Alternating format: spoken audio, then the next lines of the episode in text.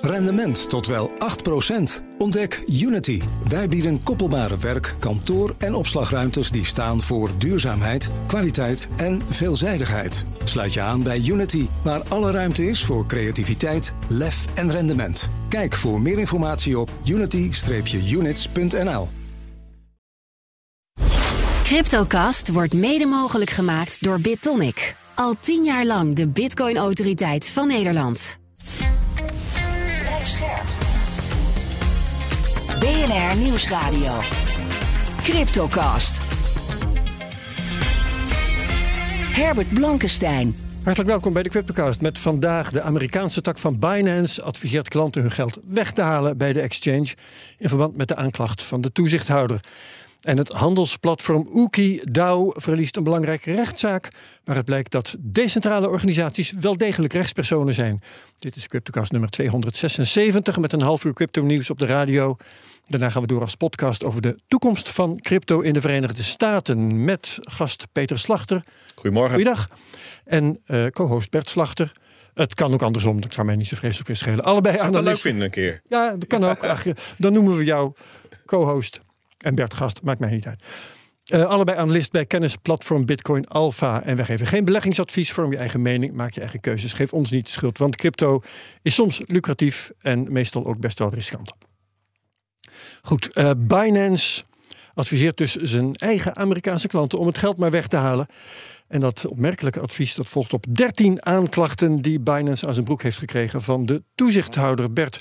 Waarom zegt Binance haal alsjeblieft je geld weg bij ons? Ja, dit gaat specifiek over Binance US, hè, dus de Amerikaanse um, exchange, die ook gescheiden is van de internationale. andere klanten geldt het niet voor. Nee, dus daarvan hebben ze gezegd van nou misschien gaan we wel te goede bevriezen. En er zijn ook um, um, bankpartners van, van Binance US die hebben gezegd, joh, we gaan stoppen met um, dollars eruit sturen en dergelijke. En daarom, en dat gaan we op 13 juni doen, dus vandaag. En daarom zeiden ze vorige week, joh, als je wil, dan zou je nu kunnen verkopen en je dollars er nog uit kunnen halen en dat ergens anders heen sturen. Oh, misschien kan dat later. Want dat kan later niet meer. En dat is inderdaad een soort van oproepen tot een bankrun. En dat, dat, dat zagen ze zelf ook wel. En daar zeiden ze over, um, dat kan. Dat is geen probleem. Alle klanten kunnen alles weghalen als ze dat, zouden willen. We hebben dat geld. En je hebt ook eerder gezien eh, bij FTX en in december, toen er andere problemen waren met BUSD, dat er soms vele miljarden per dag uitstroomden. En dat is allemaal no problem. Dus zij zeggen: bankrun, kom, kom maar op. Ja, Peter, 13 eh, aanklachten. Uh, weet jij uit je hoofd welke? Zeker niet, maar ik heb het opgeschreven. maar vat het toch maar samen, want 13 is een beetje dat, Ja, precies. Dat lijkt mij ook goed. Ja, dus, dus twee uh, grote exchanges, werelds grootste exchanges aangeklaagd hè, in, uh, in twee dagen tijd. Eerst Coinbase, daarna Binance. De overlap zit hem in het aanbod en, en de verkoop van wat zij noemen ongeregistreerde effecten, securities. Daar gaan we nog wel meer over hebben. Ja, deze en dat is een meningsverschil. Hè? Welke coins zijn eigenlijk securities? Daar is meer over te vertellen. Ja, gaan we zeker. En Binance specifiek dan even, ja, dan, dan wordt het allemaal wat sappiger. Um, dus de, in dit geval de SEC die zegt van jullie vermengen klantgeld, het geld van klanten met eigen vermogen. Jullie sluizen dat door naar eigen BV's. Jullie misleiden beleggers over de veiligheid van jullie systemen. Uh, jullie faciliteren um, het ontwijken van regels die bedoeld zijn om Amerikanen te beschermen. En jullie pompen jullie handelsvolume kunstmatig op. Dus um, ja, zij Allemaal zoeken naar antwoorden. Nee. Ja, ja. Uh, en, en voor een deel bijvoorbeeld het vermengen van klantengoeden en tegoeden en geld van het bedrijf. Uh, dat doet wel denken aan wat FTX is overkomen. Ja, dus dit, dit zijn. Uh, want Binance is ook aangeklaagd eerder door de CFTC, dus een andere toezichthouder. Um, en dat zijn zogeheten bestuursrechtelijke procedures. Alleen als je dit zo hoort, dan klinkt het eerder als een soort strafzaak. Dus de, de ondertoon is wel degelijk anders. Er zijn ook dat, die geruchten gaan ook al hoor, dat de Department of Justice ook bezig is met het voorbereiden van een strafzaak. Dit klinken, sommige van deze dingen die Peter nu opsomt, die klinken best wel strafbaar. Ja, en, en aan de zijde van Binance zijn ook allerlei mensen opgenomen in de processen en aangenomen die dan gespecialiseerd zijn in strafzaken. Dus ze verwachten zelf ook al wel wat. Ja, uh, uh, dreigt hiermee het einde van Binance in de Verenigde Staten, Peter? Ja, denk het wel. Ik denk in ieder geval voorlopig. Hè. Ik bedoel, je kunt moeilijk zeggen dat het voor altijd gedaan is. Bovendien heb je als bedrijf natuurlijk altijd de mogelijkheid om jezelf te ontbinden en opnieuw te beginnen. Als je, als je antwoordt ja op mijn vraag, dreigt het? Bedoel je inderdaad dat het dreigt? Of nee, dat, jij het dat, de dagen, dat, dat de dagen van Binance wel geteld zijn, zo zou je dat kunnen zeggen. In de VS, hè? In de VS, links of rechtsom. Hè, ik bedoel, het, linksom ofwel de rechter, die zet er een streep door. Ja. Rechtsom eh, ofwel de reputatie van Binance is zodanig aan diggelen... dat het ook weer moeilijk wordt om daar voet aan de grond te krijgen. Probeer nog maar eens ba- eh, bankdiensten te krijgen bijvoorbeeld. Ja, ja, ja. Nou, dat eh, is iets waar we vast ook in de podcast straks verder over gaan hebben. Ik wil nu eventjes de camera richten op Robinhood. Eh, investeringsapp die nu uit eigen beweging stopt met het aanbieden van verschillende tokens. Solana, Cardano, Polygon. Ehm, blijkbaar eh, voelen zij ook de hete adem van de toezichthouder in hun nek. Ja, zeker. Ik denk dat voor alle bedrijven geldt die in de VS actief zijn... en zeker die bedrijven die ook een Amerika van Amerikaanse origine zijn... dat die heel goed opletten. Ja, ja, en het lijkt erop, ehm, als ik eh, de lijstjes zo langs elkaar hou, dat Robinhood nu de coins eruit gooit. Ja. eh, die zij aanbieden.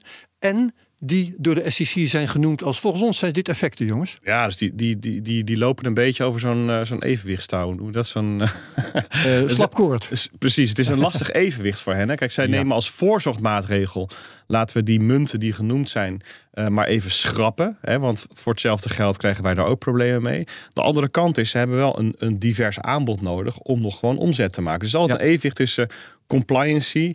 ehm, en het hebben überhaupt van aanbod om je eh, klanten mee te bedienen. Ja, ja. Overigens, eh, Bert, als ik dat, die lijstjes bekijk, dan eh, wat eh, Robinhood nu nog in de aanbieding heeft, daar zit Tezos bijvoorbeeld bij, Chainlink, eh, eh, lijken mij niet allemaal 100% veilig. Zijn misschien toevallig nog niet genoemd door SEC, maar had net zo goed gekund. Of is dat niet zo? Ja, dat denk ik wel. Kijk, Ja. ze, ze gaan gewoon eh, min of meer van boven naar beneden door de lijst van grootste. Nou dat ja, is niet zo, hè? Nee, door de lijst van, gro- op, van op grootte. Hè? dus ze hebben, bedoel, ja, ja, ja. neem Solana en Polygon. Zo, dat zijn gewoon hele grote crypto-activa. Ze beginnen niet aan de onderkant bij een of ander random klein muntje met, Nee. 100, of met een miljoen aan marktkapitalisatie.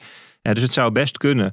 Ehm, kijk, het, het grote vraagstuk is nu, nu nog op basis waarvan klassificeren we iets als security. Hè? En er is ongelooflijk veel voor te zeggen dat ehm, er heel veel van alle 10.000 crypto-activa dat dat securities zijn.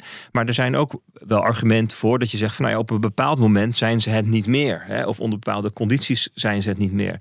En kijk, als dat duidelijk wordt, dan, en, dan zal blijken of die anderen ook nog aan de beurt komen. We hebben ook nog de rechtszaak tegen Ripple bijvoorbeeld, waarin wel specifiek de SEC uitgever tegen ja. Dat is dus, kijk, het gaat nu om ehm, eh, zaken over het verhandelen, hè, dus faciliteren van de handel in securities. Ja. Maar er zijn ook zaken die gaan over het uitgeven van een security. Nou, dat, beide zal hetzelfde op een gegeven moment moeten worden beslist. Ja, wat is nou wanneer security? Ja, ja, en ehm, dan hebben we ook nog de zaak Coinbase tegen de SEC, of SEC tegen Coinbase dan beter gezegd. Eh, sla ik even over, want ik wil zo graag weten, wie van jullie kan er iets over zeggen. Wat eh, wil de eh, SEC nou eigenlijk precies? Ehm, ze, wat opvalt is, ze pakken nu de exchanges aan. Er is één zaak tegen een token zelf, Ripple inderdaad, die je noemt. Ja. Maar, Maar er eh, zijn in het verleden zes, zeven zaken geweest tegen andere tokens al. Hè?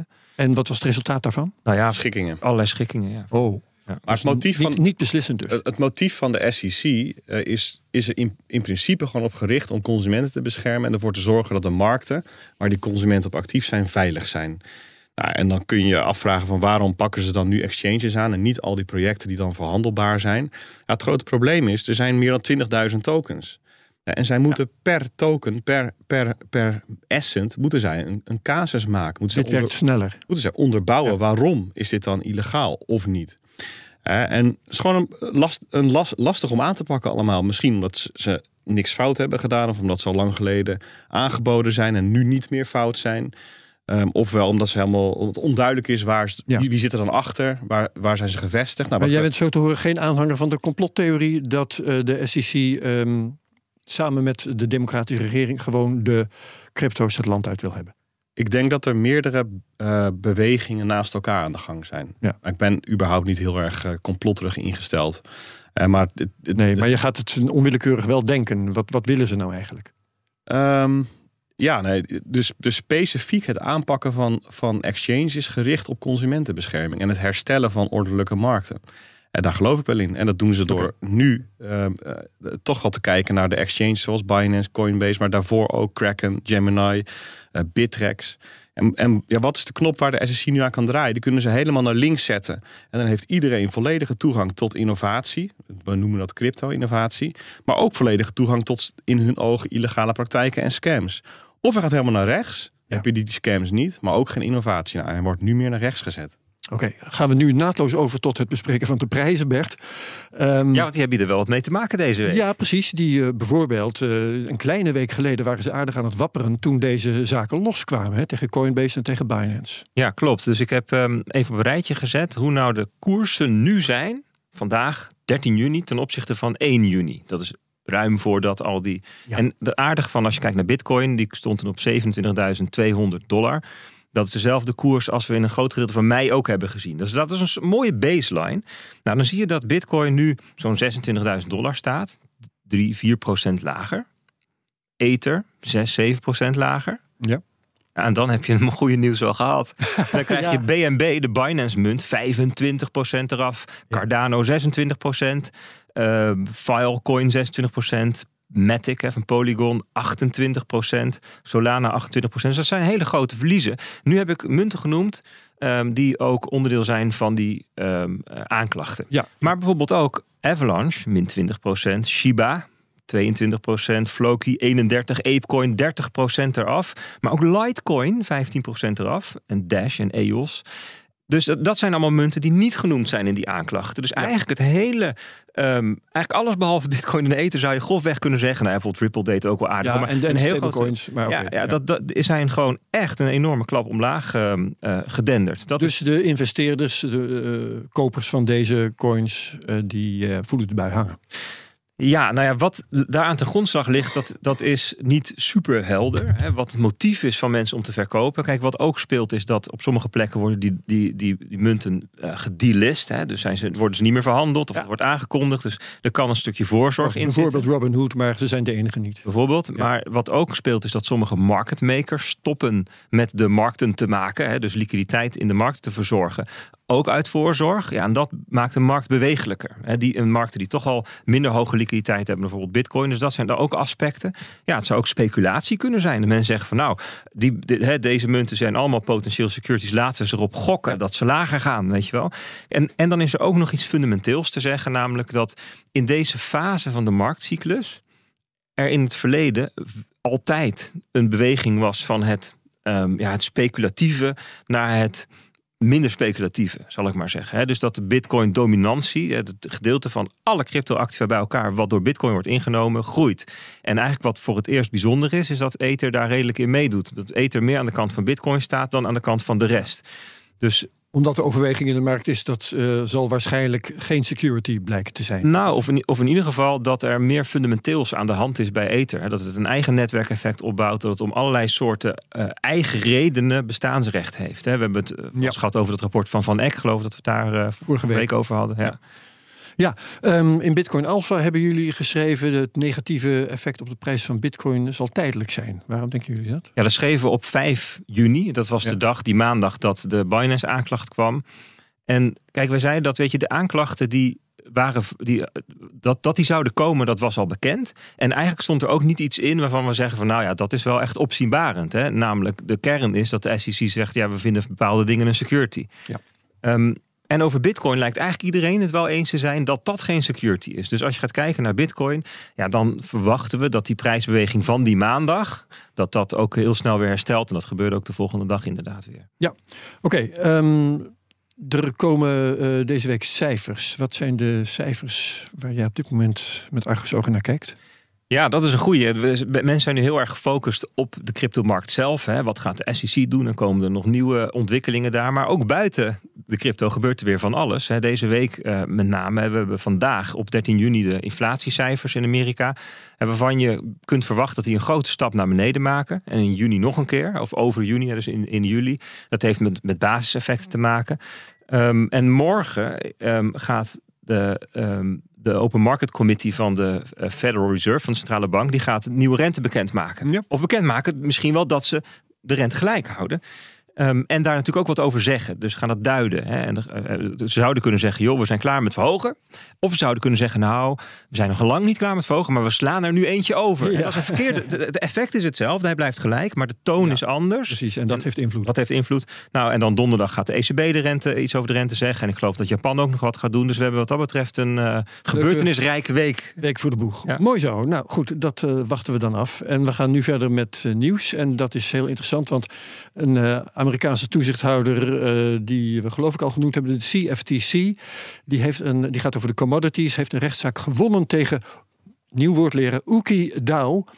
Uh, en DAO staat voor Decentralized Autonomous Organization, decentraal handelsplatform. En de uitspraak zou wel eens een voorbeeld kunnen zijn van hoe er in de toekomst met die decentrale organisaties gaat worden omgegaan. Peter, leg uit, wat is dit voor een zaak? Ja, uh, inderdaad. Oekidao, die, die term kom je uh, niet zomaar tegen. Dat moet je wel diep Kenden ze voorheen niet, eerlijk gezegd. Nee, dan moet je diep in de cryptowereld zitten. Het startte ook onder een andere naam destijds, als BZX. Is later ingericht inderdaad als DAO. En zij bieden een, een eh, platform aan voor de handel met hefbomen. En daarvan zei deze toezichthouder, ja, allemaal leuk en aardig dat jullie dat doen. Um, maar daar moet je wel eerst toestemming voor krijgen van ons. Um, en startte een rechtszaak en die wilde graag van de rechter um, drie dingen. Namelijk dat de DAO verboden wordt die producten nog aan te bieden. Ooit nog deel te nemen aan handel in commodities. Dus in, in de financiële producten waar deze toezichthouder toezicht op houdt. Goederen. Of derivaten. Even, of derivaten. Ja, wat, uh, of, uh, daar gelaten uh, of dat dan van toepassing is. Maar dat zegt die toezichthouder dat dat het geval Precies. is. Precies. Ja, ja, in dit geval gaat het om derivaten. De handel met hefbomen, dat zijn vaak derivatenproducten. Um, en de rechter, uh, ze vragen de rechter um, om te, hen op te leggen dat ze geld gaan teruggeven aan klanten die gebruik maakten van het platform. Nou, en dat is dus voor de rechter gekomen. Ja. Um, en, en er wordt altijd gezegd, ja, decentrale organisaties, ja, dat, is, dat is eigenlijk helemaal niks, kun je niet aanpakken. Klopt. Hè, dus in eerste instantie werd de DAO even gezien als een informele vereniging, zo zou je dat in het Nederlands kunnen zeggen. en eerlijkheidshalve, hè, de, dat, dat de DAO niet gezien kan worden als een entiteit of zo, in juridische zin, dat is eigenlijk altijd al een gekke redenering geweest. Je, je, je, hier is ook wel onderzoek naar gedaan in Nederland. Nou, de informele vereniging ligt voor de hand. Dat ben je gewoon als wij ja. met z'n drietjes uh, een gezamenlijk doel hebben. En dat gaan we met z'n drieën najagen. En we richten daar geen bedrijf voor op. Ja, uiteindelijk, en we doen dingen die niet mogen, worden we gewoon met z'n drietjes voor de rechter gesleept. Ja. En worden we gezien als informele vereniging. En zijn we met z'n drieën ja. hoofdelijk aan sprake. Het is een ding dat besluiten neemt, activiteiten ontplooit, noem maar op. Inderdaad. Uh, beheert. Inderdaad. Hè. En, en uh, zo'n DAO, hè, te zeggen van het is decentraal en autonoom en die organisatie wordt gerund met smart contracts, code en zo, dan lijkt het alsof je jezelf helemaal distancieert. Hè, dat jouw acties er niet meer toe doen. Um, maar daar, daar zet de, de rechter eigenlijk gewoon een streep doorheen. Van, ja, zo zien wij dat niet. Um, in eerste instantie was het idee dat alle um, leden van de DAO die ooit hun tokens hebben gebruikt om mee te stemmen, dat die aansprakelijk worden gesteld. Later is de DAO aan zich gewoon gezien als persoon um, die aansprakelijk is. Dus als, als geheel. Ja. Met als fallback dat als die, die persoon dan niet ingaat op wat hem is opgelegd, dat de oprichters ervan aansprakelijk worden gesteld. En wat grappig was aan deze rechtszaak, was dat de, de mensen achter die uh, organisatie, die dus geen organisatie zou zijn, die kwamen niet opdagen. Um, en verloren daardoor. Maar was dat eigenlijk onderdeel van hun betoog dat ze. Uh, nee, er, was, er was dus geen betoog. Ik denk eerlijk gezegd. Um, dat nee, maar wij, wij zijn geen organisatie, wij kunnen niet aansprakelijk zijn. Dan ga je niet in de rechtszaak ga je dat verdedigen. Want dan dan geef je voedsel aan nee. dat je dat juist wel bent. Klopt, alleen dat suggereert dat er, dat er sprake is geweest van een soort vooropgezet plan of een strategie in de verdediging. Of jou was dat er niet? Ik denk niet dat dat het geval is. Nee. ik denk eerder dat ze bang waren voor de situatie waarin ze waren beland. Um, dat je ook eventjes stil kunt zitten in de hoop dat het jou persoonlijk gewoon passeert. Ja. Dat geldt dus ook voor de meeste mensen die wel betrokken zijn geweest. Maar het omgekeerde, uh, dat vond ik wel grappig om, om het te bedenken. Um, willen zij nu bijvoorbeeld in hoger beroep gaan?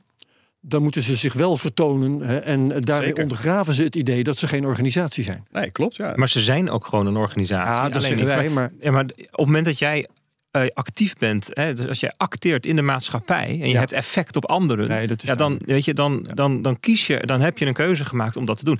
En kijk, dit, dit, dat, dit onduidelijk is, is ook de reden dat er in allerlei jurisdicties nu wordt nagedacht over specifieke bedrijfsvormen voor DAO's. Hè, Bijvoorbeeld in Wyoming heb je de DAO, of de, de DAO LLC, of ook wel de LAO genoemd, die er specifiek is om aan een DAO een soort BV-achtige structuur te koppelen. Hè, eh, em, zonder dat dat dan precies moet op de manier waarop dat met normale LLC's, limiteds, eh, Ja. moet.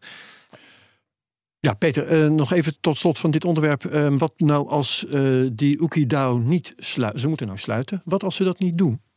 Ja, dan, dan, dan komt uh, de, uiteindelijk de rechter, of nou ja, de, de, de, mensen, de partijen die, dat, uh, die, die het vonnis gaan uitvoeren, komen terecht bij de oprichters.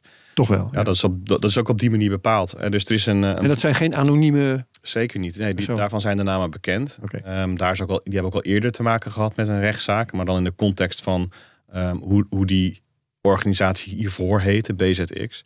En ja, het vonnis nu is dat ze een boete hebben gekregen van 643.542 dollar. Dus dat is een bestuursrechtelijke boete. Um, een permanent verbod op handel en dergelijke is opgelegd aan die DAO. En de website moet op zwart. Ja. Dus, dus dat is uh, uiteindelijk wat er dus uitgevoerd moet gaan worden. Oké, okay, dingen om in de gaten te houden. We gaan zo direct een podcast maken. Um, en uh, die gaat over het offensief tegen crypto in ja. de Verenigde Staten. Nou ja, daar gebeurt van alles. De SEC en de CFTC die ont ontketenen een soort war against crypto. Het wordt ook inzet van de presidentsverkiezingen. Uh, en de vraag is dus, is dat een, een gecoördineerde inspanning om het crypto moeilijk te maken. Ja, we gaan een hele leuke podcastaflevering maken. En ik denk dat we het over meerdere thema's gaan hebben. Um, waaronder deze vraag wellicht ligt. En dus het gaat over het agressieve gedrag van de, van de toezichthouder, van de SEC en de zaken tegen Binance ja. en Coinbase. En jij, zei, jij zei net al, de SEC heeft als oogmerk het beschermen van consumenten. Ja, zeker. Maar zijn er andere spelers maar, met andere maar de, uh, dat, motivering? Dat, dat zijn andere thema's. We gaan het ook hebben over het hm. politieke momentum waarin dit plaatsvindt. Ja. Hè, en, en daarin kom je al misschien met andere... Presidentsverkiezingen? Hè, die horen daar ook bij. Um, al dan niet op gecoördineerde wijze, deze twee. Want de SEC is een instituut, instituut maar bestaat ook uit individuen. Hè. Het heeft bijvoorbeeld een voorzitter. En hoe politiek gekleurd is dat dan precies? Ja. Um, en natuurlijk, de vraag waar het om draait, het hete hangijzer nu in, in die twee rechtszaken, zijn alle crypto's nou securities of niet? Hoe zit dat? Precies. Nou, dat uh, kan een, uh, een leuke podcast worden. Bert, heb jij daar uh, een positie in?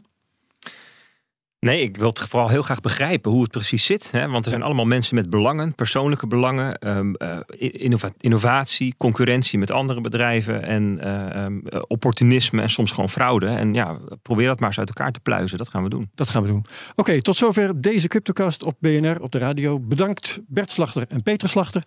Wie meegaat naar de podcast, heel graag. Uh, lukt dat niet, dan is het ook prima. Dan zien en horen we je graag de volgende keer terug bij de Cryptocast op BNR. Tot dan, dag. CryptoCast wordt mede mogelijk gemaakt door BitTonic. Al tien jaar lang de Bitcoin-autoriteit van Nederland. Rendement tot wel 8%. Ontdek Unity. Wij bieden koppelbare werk, kantoor en opslagruimtes die staan voor duurzaamheid, kwaliteit en veelzijdigheid. Sluit je aan bij Unity, waar alle ruimte is voor creativiteit, lef en rendement. Kijk voor meer informatie op unity-units.nl.